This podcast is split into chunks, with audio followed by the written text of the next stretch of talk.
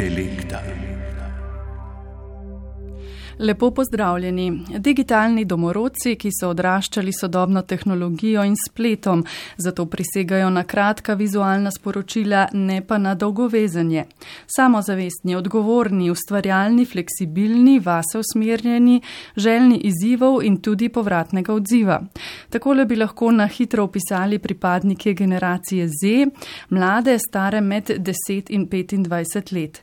Res je sicer, da je vsak posameznik drugačen, poseben, a zaznamujeta ga tudi okolje in čas, v katerem odrašča. In čas, v katerem živi generacija Z, je res zelo drugačen. Po baby boom generaciji, ki je prisegala na izobrazbo in trdo delo, po dokaj črnogledi generaciji X, ki daje povdarek kakovostnemu zasebnemu življenju, po vase usmerjenih in sposobnih milenicih prihajajo zdaj v spredje predstavniki generacije Z.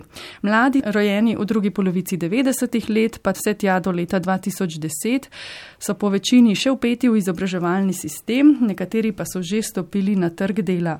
Njihove vrednote, navade, pričakovanja in znanja se razlikujejo od prejšnjih generacij. Kaj prinašajo družbi in na trg dela, bomo ugotavljali v današnji intelekti. Čeprav se ne bomo mogli izogniti določeni stopni posploševanja in kategoriziranja, pa je poznavanje generacij, s katerimi imamo ali pa bomo imeli opravka kot učitelji, delodajalci, ponudniki blaga in storitev, sodelavci, vodje, odločevalci, ključno. Kakšne vrednote imajo pripadniki generacije Z, v katerih znanjih presegajo vse prejšnje, kako delujejo v delovnem okolju in kakšni potrošniki so. Odgovore bomo iskali z gostjami. To so sociologinja, docentka dr. Andreja Živoder z Fakultete za družbene vede Univerze v Ljubljani. Dobr dan. Dobar dan. Alenka Kraljič, psihologinja in direktorica operativnega poslovanja v kadrovskem podjetju Trenkvalter. Lepo zdrav. Pozdravljeni. In Damjana Ocvirk, direktorica prodaje v istem podjetju. Tudi vam lepo zdrav. Dobar dan. V studio sem jih povabila Špela Šebenik in mogoče začnemo tale naš pogovor kar z vprašanjem, kako pomembne sploh so razlike med generacijami, da se jih sociološko, antropološko imenuje in tudi preučuje doktorica Živodr. Ja. Um, mislim, da se moramo najprej nekoliko dotakniti same definicije generacije. Uh, generacija se v različnih okoljih, v različnih družbenih kontekstih uporablja za označevanje več stvari. Naprimer, samo če pomislimo na sorodstvene razmerja, ne, se nanašamo na generacijo starih staršev, generacijo staršev, generacijo otrok. V sociologiji glede generacij en ključnih avtorjev, Karl Meinheim, ki je pravzaprav v sredini 20. stoletja izpostavil tako pomembno razliko med starostno kohorto pa generacijo. Namreč starostna kohorta pomeni ljudi, ki se rodijo v istem zgodovinskem obdobju, pripadajo isti starostni skupini, potujejo po istem socialnem uh, času, doživljajo neka taka posebna zaporedja ekonomskih, uh, političnih dogodkov in obdobij in predstavljajo nekak edinstven zgodovinski prerez družbe. Na individualni ravni sicer razvijajo zelo različne strategije, biografije, na agregatni, kolektivni ravni pa pravzaprav potrjujejo ta socialni pa zgodovinski čas, v katerem živijo. Na drugi strani pa je za Mannheima generacija širši pojem, ne? namreč zgolj pripadnost neki socialni skupini ali pa nekemu časovnem obdobju še ne ustvarja generacija. Ne? To so kvečemo nujni pogoji za njo. Ne? Za nje je bistveno, da člani tiste generacije doživljajo skupne izkušnje, razvijajo neko skupinsko identiteto in se v bistvu skupno odzivajo na družbene probleme. Ne? Nekako oblikujejo to generacijsko zavest, ne? da želijo in da potem tudi dejansko aktivno skupinsko delujejo, vplivajo na družbo. Ne? In ena najbolj znanih generacij je brško ne generacija študentov, ki je leta 1968 ne, začela študentskimi upori sprva na univerzi v Berkeleyju, v majhnih skupinah radikalnih študentov, kasneje pa pravzaprav za seboj potegnila množico študentov po vsem svetu. Začelo se je s strogim nasprotovanjem vojni v Vietnamu, hkrati pa so se zauzemali za druge pomembne spremembe v pravdočih vrednotah, institucijah, politiki, ne tako po svetu kot doma. In prav ti protesti, ne in njihova družbena moč in vpliv, ki so se pravzaprav kot požar razširili po celem svetu, so bili eden izmed prvih vzvodov za povečano zanimanje javnosti in institucij za mlade. Če se obrnemo pa v naš prostor, ne, pa je pionirka raziskovanja mladine pri nas, zaslužna profesorica dr. Mirena Ule v 80-ih letih prejšnjega stoletja s kolegi izvedla en tako obsežno raziskavo mladine v Jugoslaviji, s katero so pravzaprav napovedali razpad Jugoslavije. Ne? In to še preden je bilo tem govora o političnem pa v javnem diskurzu. In to je pa že drug vzvod ne? raziskovanja mladine, se pravi nekak poskus enega prijema ne? oziroma napovedovanje družbene prihodnosti, ne? v smislu na mladih svet stoji. Ne? Tretji vzvod pa je predvsem ekonomski, tržni, marketinški. Ne? Namreč podjetja so prepoznala to izjemno pomemben vpliv mladih na trgu potrošnje ne? in uh, milenici so bili pravzaprav prva generacija, uh, ki so stopali na trg potrošnje uh, že od mladih nog ne? in to precej samostojno. Zato paradoksno, ne? uh, največ raziskav mladih danes pravzaprav upravljajo zasebna podjetja. Ne? Njihov cilj pa je seveda identifikacija nekih novih potrošniških želja, preferenc, načinov in kanalov potrošnje, ki potem omogočajo segmentirano, targetirano prilagoditev razno raznih produktov, storitev na trgu. Ne? Se pravi, če povzamem, cilj to vrstnih raziskav mladih je pravzaprav oblikovanje mladih na eni strani v potrošnike, ne, na drugi pa v uspešne, učinkovite delavce, ne, ki bodo potrdili in reproducirali a, ta obstoječi družbeni red, ne, način proizvodne.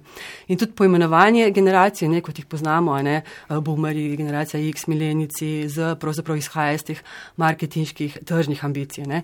In če bo generacija Z pa dejansko postala generacija, ne, tudi v tem sociološkem smislu, bomo še videli, ne, zaenkrat so predvsem starostna kohorta. Ne. In še četrti, ne, zadnji vzvod, o katerem bom uh, govorila zdaj, je pa ta zanimanje za mladino, pa je povezan tudi s temi bistvenimi um, družbenimi spremembami, ne, ki so posledica v prvi vrsti pač teh temeljnih tehnoloških sprememb, ki korenito spreminjajo naš vsakdanji svet, ne, vsakdanje življenje na globalni ravni. Namreč skozi celotno človeško zgodovino ne smo bili priča predvsem enosmernemu generacijskemu prenosu znanja, vrednot, odnosov, ki je potekal tipično iz starejših na mlajše generacije. Ne. Sedaj pa ta proces veliko bolj dvosmeren. Tudi starejše generacije so enostavno primorane se učiti od mlajših, ne, ker te enostavno nimajo odgovorov na vse življenjske zagate ali pa tehnološka vprašanja, kot je bilo nekrat način relativno enostavno eh, prej. Ne. In ta prehod pa se je dogodil prav eh, z milenici. Se pravi, ne samo ta sposobnost eh, mladih zdaj, da učijo tudi starejše, tudi njihova številčnost najvrž terja to, da smo pozorni na to generacijo eh, Zene. Eh, trenutno predstavljajo tretjino svetovnega prebivalstva, generacija Z je najštevilčnejša, seveda v Evropi nekoliko manj, ampak vseeno, to so potrošniki, kot je omenila že doktorica Živoder in seveda so tudi tisti, ki vstopajo če že niso, pa še bodo na trg dela. Torej so zanimivi tudi za gospodarstvo. Damjana Ocvirk, kako dobro je danes poznati tiste, ki vstopajo na trg dela? To delodajalci, ko se srečujejo, morajo spoznati vse generacije Z, pa ravno zaradi tega, ker so zelo številčni v primerjavi z milenici in ostalimi generacijami in se je treba na njih pripraviti. Eh, začne se pa že tudi, na kak način jih bojo sploh privabljali v uh, svoja podjetja, kako bojo z njimi komunicirali. Ne? Vemo, da so digitalni domorodci, torej potrebno je začeti uh, komunicirati z njimi Eh, preko digitalnih medijev. Eh, vedeti morajo, da se učijo preko, tudi preko digitalnih medijev. Torej, če jih bojo želeli kaj naučiti, morajo tudi eh, se posluževati e-izobraževanj, torej e-learninga in jih tako učiti. Potem prilagoditi morajo tudi delovni čas, delovno okolje, pa tudi sodelovanje med generacijami, narediti pač time, kjer bojo pač lahko med sabo sodelovali. Ne? Zdaj, zajevci, naprimer, ne sprejemajo avtoritativnega vodja. Ne? Oni si želijo, da je njihov vodja uh, mentor, coach, ki bo pač spremljal, spodbujal in usmislil njihovo delo in jih potem seveda tudi za to pošteno nagradil ostale generacije pa tudi morajo nekako njih sprejeti in prilagoditi svoj način komunikacije, predvsem pa biti odprti, da se tudi lahko ostale generacije odzejevcev učijo, tako kot se tudi od drugih generacij. Ne? Ali je ta generacija res tako zelo posebna in drugačna od um, starejših generacij? Kakšne so te njihove značilnosti, glavne in vrednote? Alenka Kraljič. Točno to sem hotel izpostaviti, ja, da se mlada z generacija razlikuje v nekih bistvenih stvarih od ostalih generacij in da to v delovnih okoljih opažamo.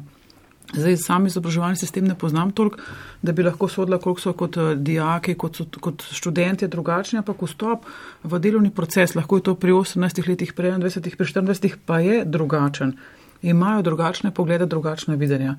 Pa še mogoče bi to podarila, ne, ko kategoriziramo, ko govorimo o generaciji kot taki. Ne smemo pozabiti, da je znotraj generacije so posamezniki, ki so lahko tudi drugačni od neke generalne slike ali pa neke splošne slike. Ne. Tako da je tudi v delovnih okoljih zmeraj tudi pomembno, no, da pristopimo k posamezniku. Ne. Ja, poznamo um, nek širši spektr delovanja generacije, ampak posameznik je pa zopet drugačen. Ne. Ima svoje poglede, svoje vrednote, svoje prepričanja, svoje cilje, ki so drugačni kot uh, od predstavnika iste generacije, hkrati pa tudi drugačni od uh, predstavnikov ostalih generacij. Tako da to, tega ne smemo pozabiti. Se pa neke splošne značilnosti pokažejo. Ja. Um, so iz nekega načina um, hitri, so samostojni. Včasih se zgodi, da so prehitro samostojni, da se precenijo v svojih kompetencah in v svojih spretnostih in sposobnostih. Z tega vidika se tudi pokaže, da so včasih preveč neučakani. Kdaj bom?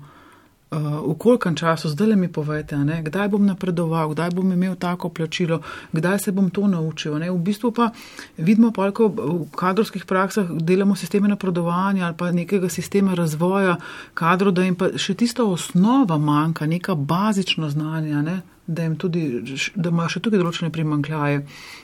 So pa absolutno izrazito digitalno smerjeni.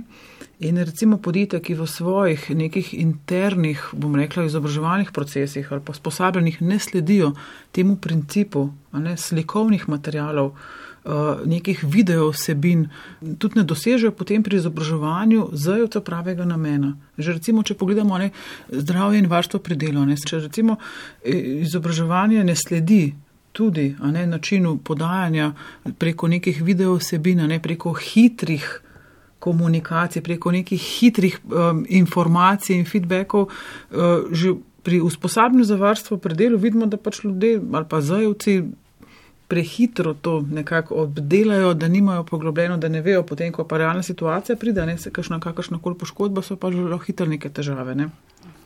Eh, no, zato tukaj je tudi zanimivo poro ravnilovka, ne? zakaj je to obratno mentorstvo, zakaj recimo, je tudi zelo pomembno, da se povezujejo generacije med seboj v delovnih okoljih, da tudi mladi pridobijo čim več nekih slik. Izkušenejših, ne, nekih slik, modrejših, če temu rečemo, ali pa mogoče tudi osebnostno zrelejših.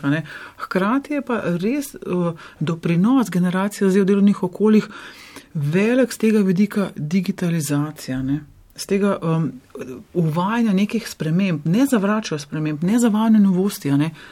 Govorimo o neki ne vem, mobilni aplikaciji, ne, ni me to samo umevno, da je pač vsak teden lahko neka nova aplikacija ali pa vsak teden, ali pa da podjetje se poslužuje različnih aplikacij in uh, živijo to. In medtem, ko živijo potem v delovnih okoljih tudi z drugimi predstavniki generacije, tudi druge, druge generacije to laže potem akceptirajo, hitreje prepoznajo neke dobrobiti in vrednosti. Ne. Doktorica Živodar, vi ste želeli še nekaj dodatne? Ja, mogoče sem še malo tole spet eh, širše ozadja. Recimo, kaj to res um, generacijo za bistveno razlikuje, če že iščemo ne, nekaj, je predvsem to, da pač enostavno ne poznajo sveta brez interneta. Ne. V njem so enostavno rojeni, zato so tudi največji strokovnjaki, če tako rečemo, na tem področju. Ne. So prva generacija, ki ne pozna sveta brez neskončnega dostopa do informacij in brez mejne možnosti povezovanja. Zato so se s svetom srečali prvič na radikalno drugačen način kot prejšnja generacija. Ne in brez kakršnih koli težav pravzaprav prestopajo med tem offline, online svetom. Meje teh dveh svetov pa so pri njih če dalje bolj zabrisane. In to zadnje smo do neke mere ne, delno izkusili tudi sami, zdaj, ko smo v času lockdowna, sploh prvega, ne, bolj kot kdajkoli prej živeli, delali, se učili, se družili in se socialno povezovali z drugimi zasebnosti naših domov. Prav tako so samouki. So se v bistvu do velike mere te digitalne, virtualne svetove raziskovali in osvojili in nadgradili sami, brez pomočjo starejših, ki jih je ta tehnologija pač precej prehitela, pa če tudi so vajeni uporabljati internet in če tudi imajo Facebook. In mladi uporabljajo in živijo te virtualne svetove precej drugače kot starejši. Zato se izjemno pomembno spreminja pač to njihovo vsakdanje življenje, rutine, prakse, njihov jezik, delovni čas, posledično pa seveda tudi njihove vrednote, pogled na svet, identitete. In ena izmed njihovih recimo značilnosti, kot jo ugotavljajo raziskave, je, ne, da tudi zelo radi sodelujejo. Ne, v angloameriškem okolju je ta izraz collab, ne, iz collab, uh, collaboration. In to počnejo pravzaprav na drugačne načine kot odrasli. Običajno preko različnih virtualnih platform, kjer pravzaprav nek način delijo svoje ideje ne, in jih potem nadgrajujejo ne, s pomočjo teh odgovorov, s pomočjo feedbacka drugih mladih. Ne. In včasih pri njih niti več niso tako pomembne te ideje enega lastništva. Ne intelektualne lastnine. Ne. Pogosto sodelujejo celo v imenu neke ideje, ne, ne pa z osebnim avtorskim podpisom. Ne.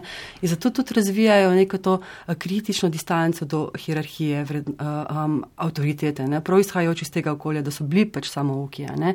Se pravi, da že od začetka skupaj pravzaprav so vrstniki, so ustvarjajo te različne platforme, svetove, razumejo, pravzaprav naučili so se skozi lastne izkušnje, ne, da ni nujno, da mora neka organizacija potekati top-down. In so zelo uh, pragmatični, ne, v smislu, da potrebno recimo za neko idejo ali pa nek produkt, da enostavno sodeluje večja skupina ljudi, ki vsak nek način prispeva ne, svojim tem specializiranim znanjem, svojo ustvarjalnostjo ne, in da se za različne ideje različne produkte lahko združujejo različne skupine, ne, da ni treba, da so timi nekako um, dolgoročni. Ne.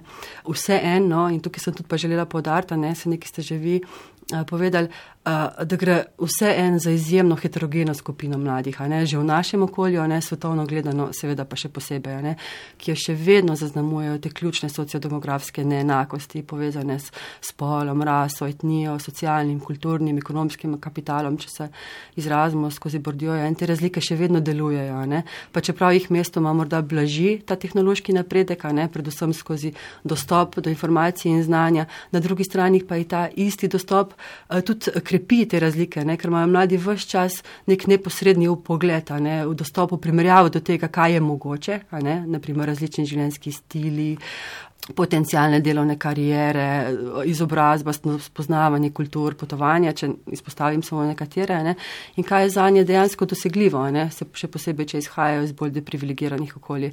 Prav tako moramo vedeti, da se te generacijske razlike vzpostavlja pa interpretira predvsem v zahodnih družbah, a ne medtem, ko v marsikje po svetu eh, danes mladi sploh nimajo priložnost biti mladi. Zdaj, če smo umenili to pomembnost um, tega digitalnega sveta, v katerem odraščajo uh, ti mladi, ki so zdaj predstavniki generacije Z, ali je mogoče uh, na njih vplivala tudi vzgoja, ki je v tem obdobju drugačna. Oni so se rodili generaciji X. Nekje sem prebrala, ne, uh, da jim te starši posvečajo kar veliko pozornosti. Ne. Naprimer, v poprečju imati leta 1965 z otrokom in o njegovih dejavnostih preživela 4. 54 minut na dan, leta 2012 pa že 104. Um, hkrati se je seveda povečal tudi čas očetov z otroki. Torej, v kakšnih družinah in pogojih, ne samo v tem torej, digitalnem svetu, živijo, odraščajo ti mladi. Doktorica Živodr. Ja, zdaj ta otrokoncentriranje trizama, ne, protektivnost otroštva, ki je spolno že nekaj desetletij v razvitih zahodnih družbah, se je pri nas izjemno zaostril, kulminiral ne, prav v teh uh, milenicih. Razloge za to pa moramo seveda iskati v političnih, družbenih razmerah. Namreč v tem času je pri nas že prišlo do prehoda ne, iz nekega socialističnega, planskega gospodarstva s pretežno industrijsko proizvodno v tržno gospodarstvo, prehod v storitveno družbo. Ne. In starši milenicev so bili recimo rojeni, vzgojeni, socializirani v prejšnjem režimu, v času ene službe do upokojitve. Zato so bili precej nepripravljeni, pravzaprav niso imeli nekih orodij za vzgojo otrok v kapitalističnem, individualiziranem svetu, ne zaznamovanem številnimi tveganji, negotovostjo, kjer, kjer prav nič ni več za določen čas, ne vse začasno, od služb do intimnih razmerja. Ne. Niso imeli orodij, niso imeli strategij. In večinski odgovor teh staršev je bil predvsem varovalen, protektiven v dveh smislih. Po eni strani v nudenju nekega varnega zavetja, ekonomske in socialne pomoči. V prvi dekadi ne, tega tisočletja smo pri nas govorili o hotelu Mama, ne, če se spomnite, in na drugi strani v poskušanju minimiziranja teh istih tveganj, zagotavljanja čim boljše pozicije na trgu dela, predvsem s povečevanjem eh, terciarnega izobraževanja. Ne. Izobrazbo so ti starši ne, in posledično pa tudi otroci razumeli kot eno najvarnejših poti v prihodnost, kot blažitev nevarnosti tveganega, fleksibilnega, tudi zdaj prekarnega trga dela, ne, kjer se mora vsak znajti sam, v primerjavi z njihovo lastno izkušnjo, ne, kjer delo ni bilo večinoma problem, ne, ko so sami vstopali v odraslost. In tudi na fakultetah ne, se je takrat recimo pokazala ta povečana starševska protektivnost. Naprimer, starejši kolegi moji ne, so bili eh, priča različnim starševskim intervencijam, recimo v smislu ocen, oh, moj otrok pa je znal več kot za sedem, ne, ali pa, oh, če se moj otrok upiše na vašo fakulteto, ali zagotavljate, ne, da bo postal to in to. In takšne intervencije ne, so bile recimo do časa uh, milenicev v fakultetnem okolju popolnoma nemisljive. Ne. Pa tudi sedaj jih je že precej manj, no, vsaj po mojih subjektivnih ocenah. Seveda pa moramo razumeti, ne, da so to vrstne starševske strategije nastale predvsem kot odgovor na izjemno povečana družbeno-ekonomska tveganja, ne, ne pa jih preprosto odslovita ne, skozi neke psihološke redukcije, recimo skozi pretirano protektivnih staršev, ko svoje otroke doživljajo kot podaljšek sami sebe, ne, ali pa razumejo kot posebno ali pa najboljše. Ne. In bistveno se spreminjajo te odnosi med starši in otroki. Ne. Te spremembe so postale izrazite prav zmiljenici. Ne. Se pravi, te raziskave so pokazale, ne, da v sodobnih družinah prihaja do takšnih sprememb, ki jih opišemo kot premiki iz nekega modela vzgojne družine v model emocionalne in podporne družine. Ne. Nekateri avtori tukaj govorijo o familiarizaciji, ki pomeni, da so otroci bolj kot prej razumljeni kot odgovornih svojih staršev, jih tudi predvsej bolj nadzorujejo, najbolj očitno recimo skozi povečano upletenost v njihovo šolsko delo, skozi nadzor nad prostim časom, ki mora biti vsaj v dobršnem delu biti produktiven za otrokovo prihodnost, ne? ne pa da preprosto laufa po gozdu. In tudi to, pa že so otroci potem če dalje dlje odvisni uh, uh, od njih, a ne tudi v obdobje zgodnje odraslosti. In, pa to še drži, tudi za generacijo um, Z. Ja, še drži. Ne? Jaz ne bi rekla, da ne drži več. Ne? Ta odnos, sam da mogoče se je zdaj, da tudi zato, ker so pač mladi sami drugačni, ne glede z tega naslova, kar smo prej govorili, ne, da so samo oki, pa to, ampak drži pa ta, da so se spostavila neka taka bolj partnerska razmerja. Ne. Prej je ta razvojni konflikt, recimo, ne, se odvijal tam v adolescenci, recimo konec adolescence, nekaj so se otroci mogli upreti, ne, avtoriteti svojih staršev, ne, da so se pač nek način samosvojili. Se pa ta osnovni konflikt nekako prenaša na družbo ne, in starši in otroci skupaj nastopajo kot partnerja ne, v boju, no, če tako rečem, za neko tako dobro uh, pozicijo. Ne v svetu. Tako da to pa še drži. Ja. ja, bi pa rekla, da se je ta konflikt tudi že prej vzpostavlja med otrokom pa staršema, ne?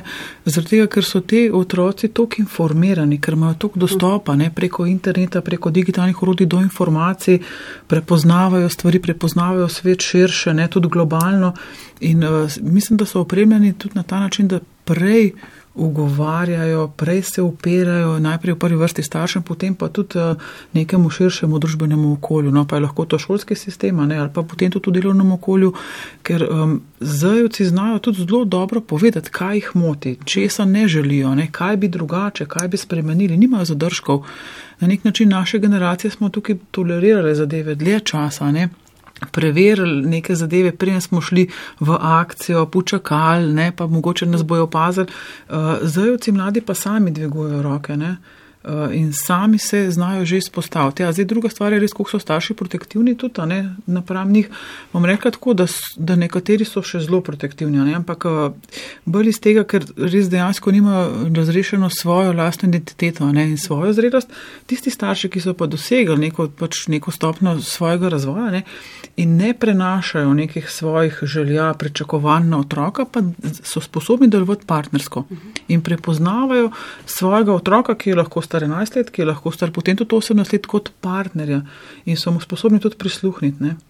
In to je zdaj, če bo neko koleracijo damo tudi delovno okolje, um, potem odnosa, ne, sodelavec starejši ne, ali pa mlajši um, zajec, sodelavec ali pa vodja, ne, ki je lahko vodja, lahko tudi predstavnik za generacije že, ne, ali pa nekdo vodja, ki je predstavnik starejše generacije in potem nekdo mlad kot zajec. Ne. Ogromno nekih teh interakcij v zadnji, tudi na nezavedni ravni, kako potekajo in uh, kako se razrešujo različni, nerazlični konflikti naši sami potem v odnosu do zajecev, ki so drugačni. Uh, bi pa rekla, da ja, so, starši so bili ali pa smo dosti bolj zdaj tudi ozaveščeni z tega vidika, koliko je pomembno, da je otrok individuma, ne, da tudi realizira svoje potrebe, da se mu prilagodi. Um, veste, po krožki v osnovni šoli, to jih je enormno število. Ne, ne vem, 20 let nazaj je bilo pet krožkov, ne, zdaj jih je pa 25 in že, starši že, ko upisujejo krožek, ne vejo kam, v kjero smer, kaj bi ne. Ta ponudba je tudi zelo široka. Ne. In zdaj če imamo veliko možnosti za zbirati, smo prav izbrali, a je to res v redu, da je toliko različnih alternativ, ker se potem tudi zgubi tista ta prava rdeča nit. Bi pa radi starši pa ponudili otroku vse in čim več, ne, in čim več izobraževanj, še, še zmer po neki logiki, um, da bo imel čim višjo stopnjo izobrazbe, ne glede na to, katero. Ne, še premalo se zavedamo, da, da iščemo, da trg dela išče tehnično naravnane ne, poklice, da išče še zmeri rokodelske stvari, da še zmeri išče za industrijo, ne, tam so potrebe.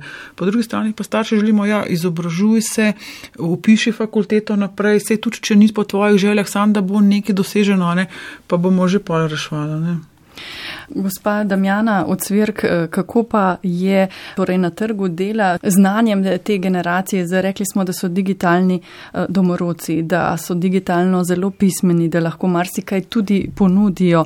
Eh, kako je to njihovo znanje sprejeto pa pri starejših generacijah? Ne, prej ste omenili, da mogoče se pri vodstvu podjetij že nekako odločajo tudi za bolj fleksibilne delovne pogoje, ki bi pritegnili naprimer najmlajše zaposlene, ampak vseeno treba treba je vzpostaviti tudi eno tako delovno okolje, kjer je ta pretok znanja. So starejše generacije v podjetjih pripravljene na prihod zajevcev? Starejše generacije, ne, nekje so malo bolj pripravljene, nekje pa malo manj. Danes lahko, naprimer, lahko uh, vidimo, da imamo pač visoka tehnološka podjetja v IT panogi, ki so se zelo pripravljene na te nove generacije, že prvo na milenice in pa zdaj uh, tudi na zajevce. In ta podjetja so te z generacije tudi zelo zanimiva in sami prihajajo do njih. Uh, nekatera so šla tudi v te skrajnosti, da so ponudila tem zajevcem, da samo, se samo uresničujejo pri njih, že tako, da so se zapletli z drugimi aktivnostmi, ki niso tako vezani na samo delo, kot naprimer, da jim nudijo razne um, igre, do zabave, do družen, tudi da se odestvujejo v prostovoljnosti, ker tudi generaciji Z je naprimer um, odnos do okolja in pa prostovoljstvo zelo pomembno. Um, do, imamo pa na drugi strani tudi podjetja, ki so pa zelo tradicionalna ne? in ta v bistvu danes potrebujejo dejansko največ delovne sile.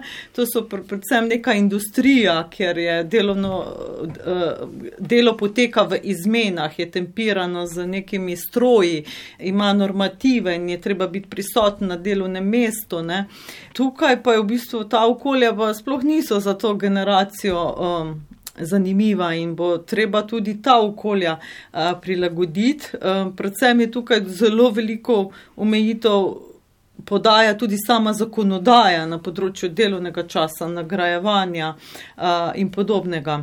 Mi zelo dosti delamo z panogo industrije, uh, da jo zelo dobro poznamo.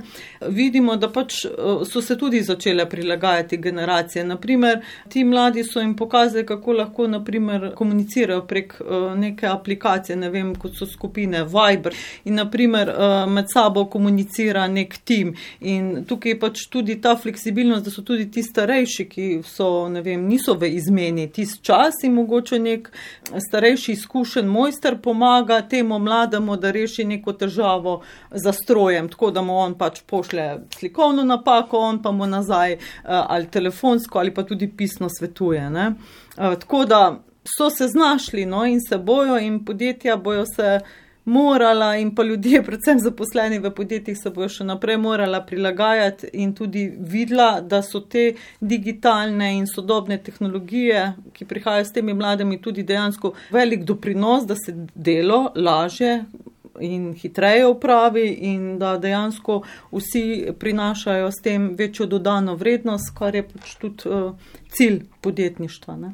Je pa tako, da zdaj že v bistvu delodajalci so tisti, ki morajo narediti vtis na tistega, ki se poteguje ne, za določeno delovno mesto. Ne več obratno, da si kot miška prišel na razgovor, pa si upal, da boš izbran. Ne. Je tukaj tudi prišlo do določenih sprememb. Ja, tukaj je prišlo do sprememb, ker je tako nizka brezposelnost, ne, tako v Evropi kot v Sloveniji. Danes se pač države eh, srečujejo z tam okrog 3% brezposelnostjo in uh, tukaj pač ni kadra. Uh, Zaradi tega tudi danes, ko podjetja lovijo pač nek dober kader, kakršen koli kader, tudi zajevce, zaradi tega, ker zajevci so torej številna generacija in ko pogledamo število vseh brezposelnosti, brezposelnih predstavljajo kar velik delež, to je tam okrog 17%. Je v bistvu te generacije z v strukturi brezposelnih, uh, se morajo tudi pač posvečati temu, da uh, jih privabijo. Ne? Zdaj, predvsem jih privabljajo lahko tako, da gradijo na svoji blagovni znamki delodajalca, ki uh, je v bistvu komunicirana zopet preko teh uh, digitalnih medijev, da se komunicirajo tudi mi kot podjetje, ko privabljamo kader, komuniciramo uh, preko Instagrama, preko Facebooka, preko LinkedIna, ki je takšen profesionalni portal. Seveda obstaja še tudi dosti drugih aplikacij, ki jih bomo očitno morali tudi v prihodnosti uh, uporabljati, da se jim bomo lahko približali in jim tudi predstavljali pač delodajalce ne? in pa tudi sami delodajalci uh, se bojo mogli hkrati, pa tudi pomembne so jim izkušnje ne? in da vidijo pač uh, druge zaposlene pri delodajalce, kakšne imajo izkušnje, tako da uh, se komunicirajo te osebne izkušnje zaposlenih v nekem podjetju in jih s tem tudi privabljajo. Čas, klasičen časopisni oglas ne šteje ne več. Ne, ne šteje več, niti žal, tudi ne radio glas. Ne. Alenka Kraljič, kakšna sporočila torej pridejo do generacije Z? No, eh, bi še dodala, da prav tako tudi neke klasične kadrovske politike v podjetjih, ne, neka klasična organizacija ne, ne bo delovala več. Ne.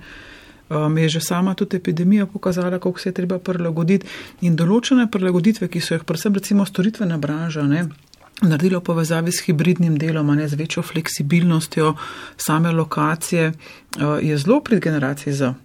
Ne, je zelo prid, eh, tako da smo bili tudi na nek način podjetja kar primorana, ne, že samo epidemiološko situacijo, neke ukrepe spred, ki omogočajo potem tudi večjo motivacijo za generacijo Z in hkrati potem tudi druge generacije prepoznavajo lahko vrednosti tega. Ne ni treba, da smo 8 ur nekje na delovnem mestu zaprti, ne, smo lahko učinkoviti tudi druge in na drugačne načine. Torej, zdravstvena kriza, kaj pa gospodarska uh mhm. -huh. kriza, je tudi ta vplivala ja, na, na zajevce? Uh mhm. -huh. Da, da, zagotovo, ja. Zato, ker so imeli drugačne zvode, drugačne modele, drugačne načine delovanja, ki so potem na njih vplivali. Ja, sem pa hotel še to dodati, da v tej fazi pomankanja kadra ne, bojo še bolj v prihodnosti pomembne prekvalifikacije. Ne. Se pravi, Nekdo, ki je pač izobrazen, izkušen za neko stvar, ki jo trg dela ne potrebuje, se bo mogel priučiti, naučiti neko novo stvar. In tukaj so um, zajevci s to svojo naravnanostjo, ki se, ki, ko se ne bojijo sprememb, ko se ne bojijo novosti, ne, so tudi prvi v vrsti, da lahko ta svoj zagon, to energijo tudi predajo širše tudi drugim generacijam, da so pripravljeni stopiti tudi, bom rekla, v korak s časom za svojimi kompetencami, ki jih bo trg dela potreboval. Ne. Gospod Cvirk. Ja, jaz sem predvsem tem, da ta uh, gospodarska kriza ne, v bistvu jim je uh, nekako jih je usmirila, da imajo tudi neke. Uh, v bistvu, da vidijo, da je delo vrednota. Ne? Ko so se rodili in so bili potem vzgajani, je dosti njihovih staršev tudi ostalo brez službe. Ne? Nekako so tudi pač videli, da brez nič ni nič in imajo delovne navade tudi ne? in tudi vejo, da je delo vrednota in da si treba denar zaslužiti, če hočeš nekaj imeti, nekaj ustvariti in ga potem nadalje eh, trošiti. Ne? To je mogoče zanimivo, kar pri milenicih eh, ni toliko, ker jim je bilo v bistvu vse bolj predano. Hkrati pa sicer ne poznajo, da nekaj ne obstaja in da ni, ne? ker danes lahko, v bistvu tako kot smo mogoče naše generacije poznale, um, da je bilo umeje, umeji, umejeno število izdelkov in da smo morali hoditi v tujino po izdelke. Danes imajo oni kakršen koli izdelek v minuti lahko naročen in potem tudi dostavljen ne, na dom.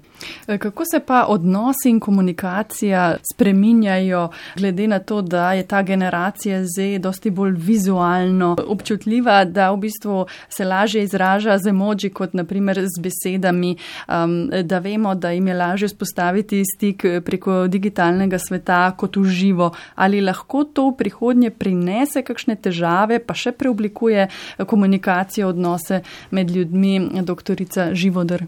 Ja, bistveno se spremenja komunikacija. Ne? Najprej ne, moramo pač razumeti, da je najprej jezik kot tak, potem pa komuniciranje samo temeljna, primarna človekova socialna dejavnost. Se pravi, podstat vseh drugih oblik dejavnosti, od postavitve sebstva, formiranja identitete, odnosov, integracije v družbo, vlog, ki jih imamo v družbi meje mojega jezika, so meje mojega sveta, ne, kot se je izrazil uh, Wittgenstein.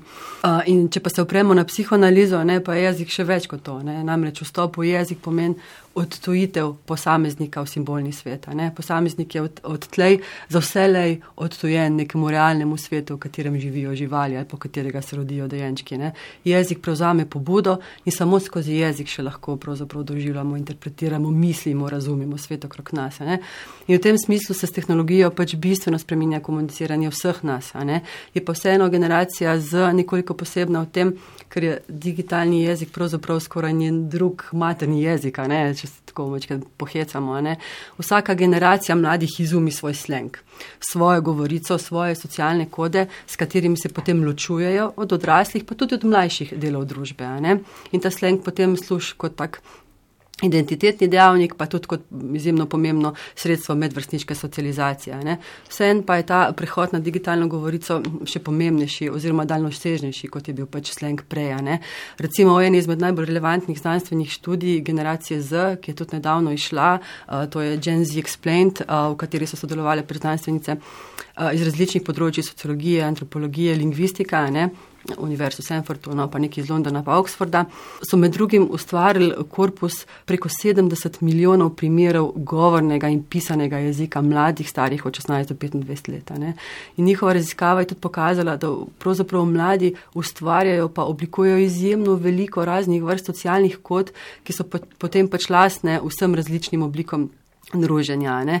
In recimo izražajo prav frustracijo nad tem, kako starejši, in za njih so starejši že tudi tisti, ki so stari 30 let, uh, teh posebnih socialnih kod spoh ne obvladujejo ne? in se čudijo nad tem, kako uporabljajo recimo Twitter, čist narobe.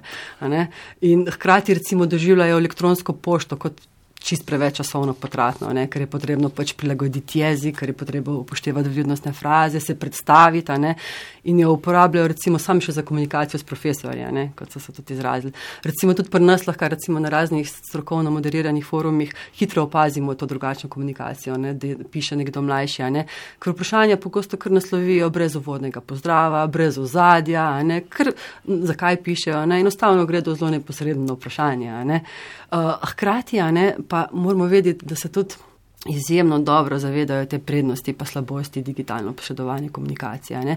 Verjetno predvsej bolj kot starejše generacije. Ne. Oni recimo zelo dobro vedo, prepoznavajo, da obstajajo politično pa marketinško usmerjeni algoritmi, ne nekega ciljnega posredovanja, dostopa informa do informacij, ki potem oblikujejo tudi našo uporabo digitalnega sveta. Ne. Imajo neko kritično distanco. Ne. Recimo tudi raziskave pri nas kažejo, da sicer izjemno pogosto recimo uporabljajo socialna omrežja, ne, praktično praktično non-stop, ampak hkrati tem omrežjem in posredovanim informacijam ne zaupajo, ne? ne vzamejo jih neposredno, ne kot smo se mi bali, ne? A, jih ne zamenjujejo za znanstvene ali pa strokovne informacije. Ne? Tukaj se res pozna, da so oni ta svet rojeni in da ga tudi predvsej bolj aktivno so ustvarjajo kot pač mi, a ne kot malo starejše generacije.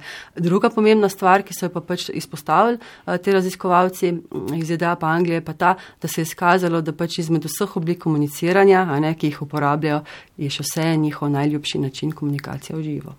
No, to pa je dobro. Ja. Ali so pripadniki generacije Z eh, sposobni zaključiti delo ob 16-17 popovdne? Kako pomemben jim je ta zasebni del njihovega življenja? Ne? Ker vemo, nekatere generacije niso poznale meja, ne? živele so za službo, za, za zaposlitev. Koliko torej dajo pomena karieri, koliko zasebnemu življenju, hobijem? Gospod Cvir. Ja, zajevci so uh, definitivno znajo zelo hitro odrezati in preklopiti med eno in drugo zadevo. Ne? Tudi mogoče jo uh, lahko istočasno več zadev hkrati upravljajo. Ne? Kot vemo, so zelo multitasking. Ne? Seveda bi pa tudi rekla, da so mogoče eh, lahko tudi predani delu, eh, sploh če je to delo tisto, katero pač jih osebnostno izpopolnjuje ne? in da lahko same sebe uresničujejo, uresničujejo svoje eh, cilje. Eh, če pa v bistvu delajo za to, da preživijo, da zaslužijo, da bojo lahko imeli potem čas in denar za svoje hobije in za druge aktivnosti, ki jih zanimajo, ne? potem pa seveda bojo kar hitro upravljati opravili tisto, kar morajo za tisto plačilo, katerega prejmejo in se posvetili drugim uh, stvarem. Uh, predvsem je tudi zato, ker so zelo podjetniško usmirjeni, Um, tukaj nekje 75% teh najstnikov, ko jih danes sprašujejo, bi želeli imeti svoje podjetje, um, uresničiti neko svojo idejo, najti nekaj, kar bo koristilo uh, pač vsem, uh, bo v javno dobro, bo v skrbi uh, v, za okolje. Uh, in uh, zaradi tega se tudi temu iščejo te variante in se temu veliko časa uh, posvečajo. Ne? E, tako kot uh, zdaj vse te mlajše generacije so nekoliko bolj vase usmerjeni, ne bolj individualistični, po drugi strani pa so družbeno, okoljsko pa zelo angažirani in odgovorni. A, a ne gre tukaj že skoraj za nasprotje? Gospa Kraljič? Mhm. Zdaj, tudi bi tako rekla, niso čisto vsi tudi okoljsko zaveščeni, ne? Bolje je to odvisno tudi nek, nekega ekonomskega položaja, z družine, z katere izhajajo dejansko pa recimo ta njihov individualizem se pa pokaže tudi prek tega, kako se na nek način tudi skrivajo ne, um, z um, direktno, direktnim soočenjem. Ne.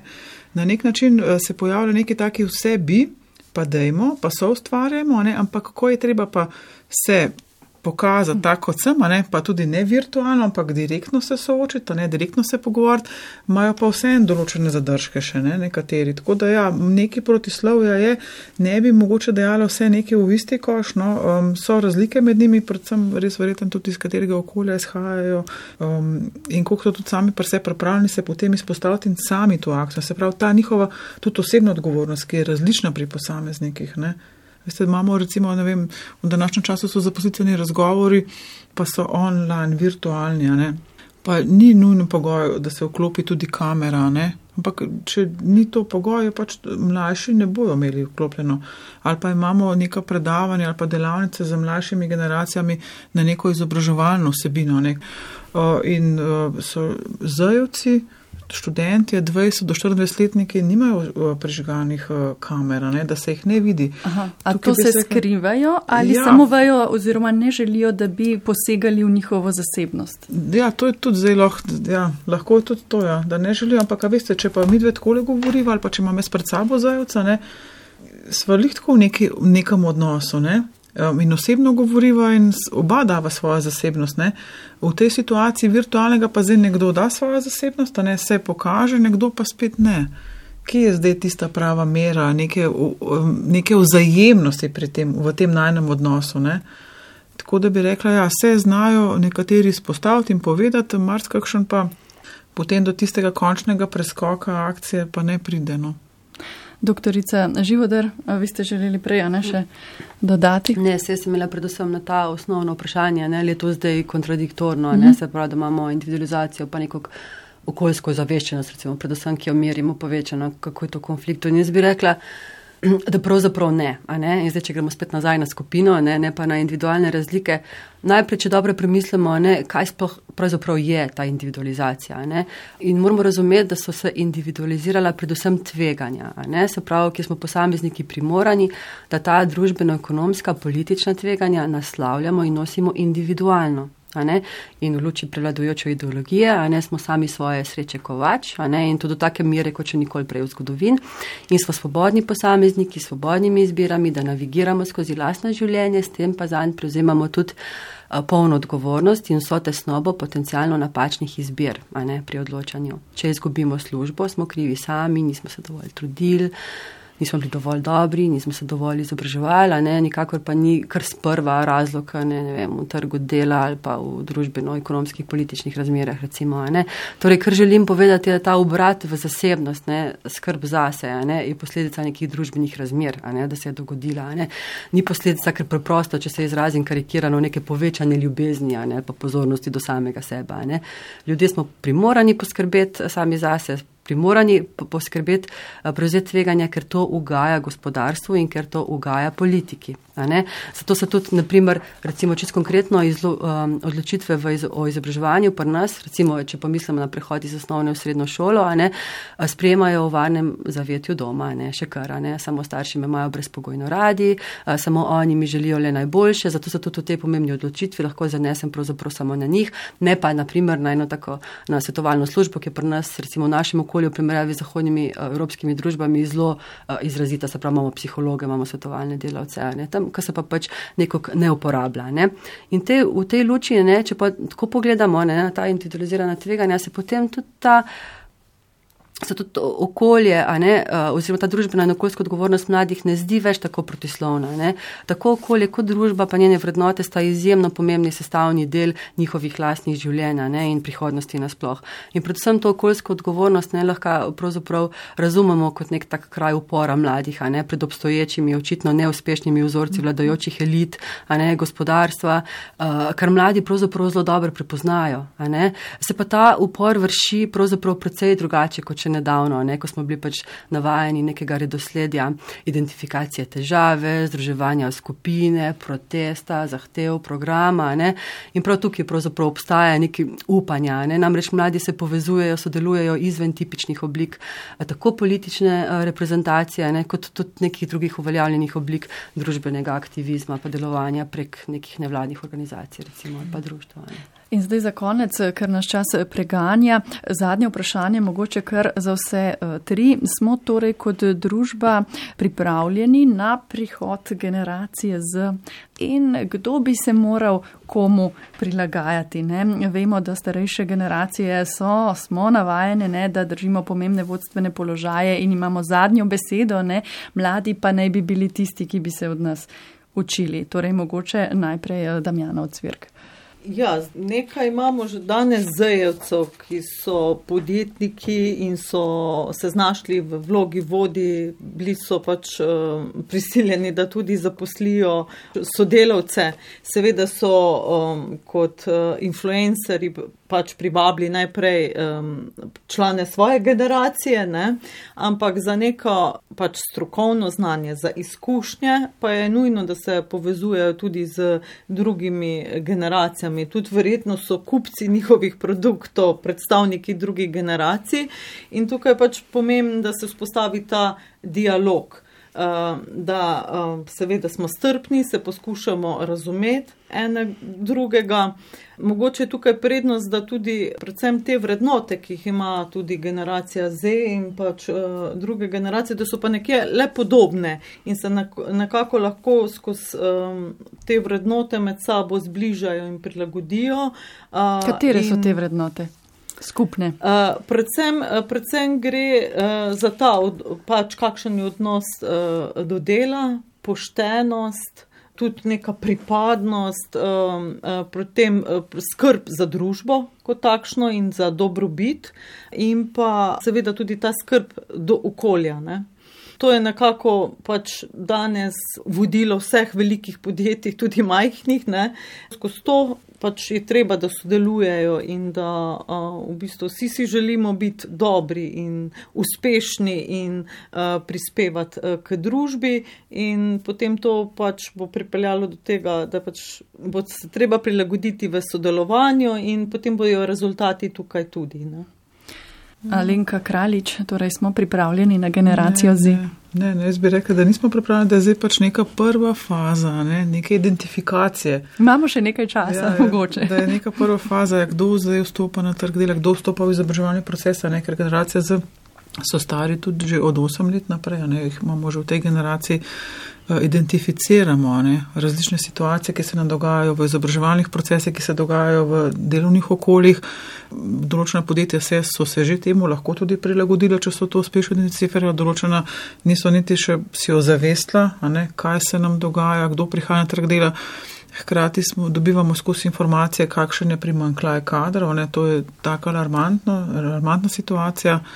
Tako da mislim, da bomo mogli še veliko, veliko narediti na tem, da prepoznavamo en drugega, da prepoznavamo različne generacije vse med seboj, da skušamo nekako tudi delati na tej raznolikosti, da, da so tudi nekako v nekih kadrovskih politikah ali pa nekih praksah ali pa v nekih pravilnikih, če hočemo temu reči, ne samo v vrednotah in kulturi, ki jo živimo, neke stvari tudi zapisane, um, da se skušamo potem tudi najprej vodje držati določenih stvari in da tu zore mladim in starejšim, na kakšen način delovati, ker um, raznolikost nas krepi, ampak v realnosti z različno osebo delovati, z različno osebo komunicirati, ne, z različno osebo upravljati neko delo, z različno osebo pri nekem projektu študijskem sodelovati je pa težko. Je pa težko, ker še zmer smo v sami sebi individualisti in še zmer vidimo najprej sebe in izhajamo iz sebe in iz svojih izkušenj in iz svojih in pričakovanj. Še doktorica Andreja Živodr za konec, torej generacija Z. Ja. Kako bo oblikovala če svet? Smo, ja, če smo pripravljeni ne, na to generacijo Z, jaz bom se odgovorila nekoliko topično. Ne. Upam, da ne.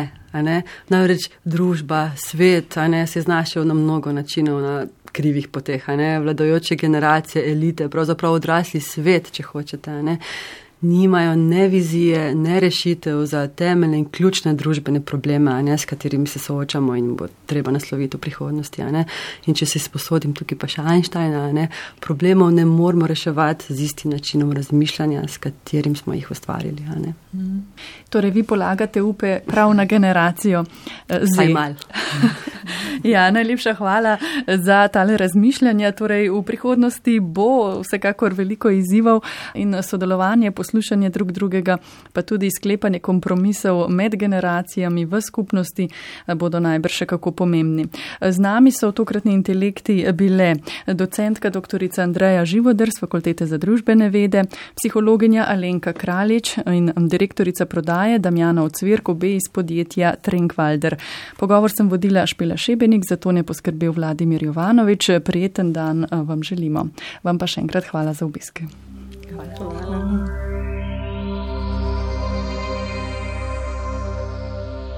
intelecta.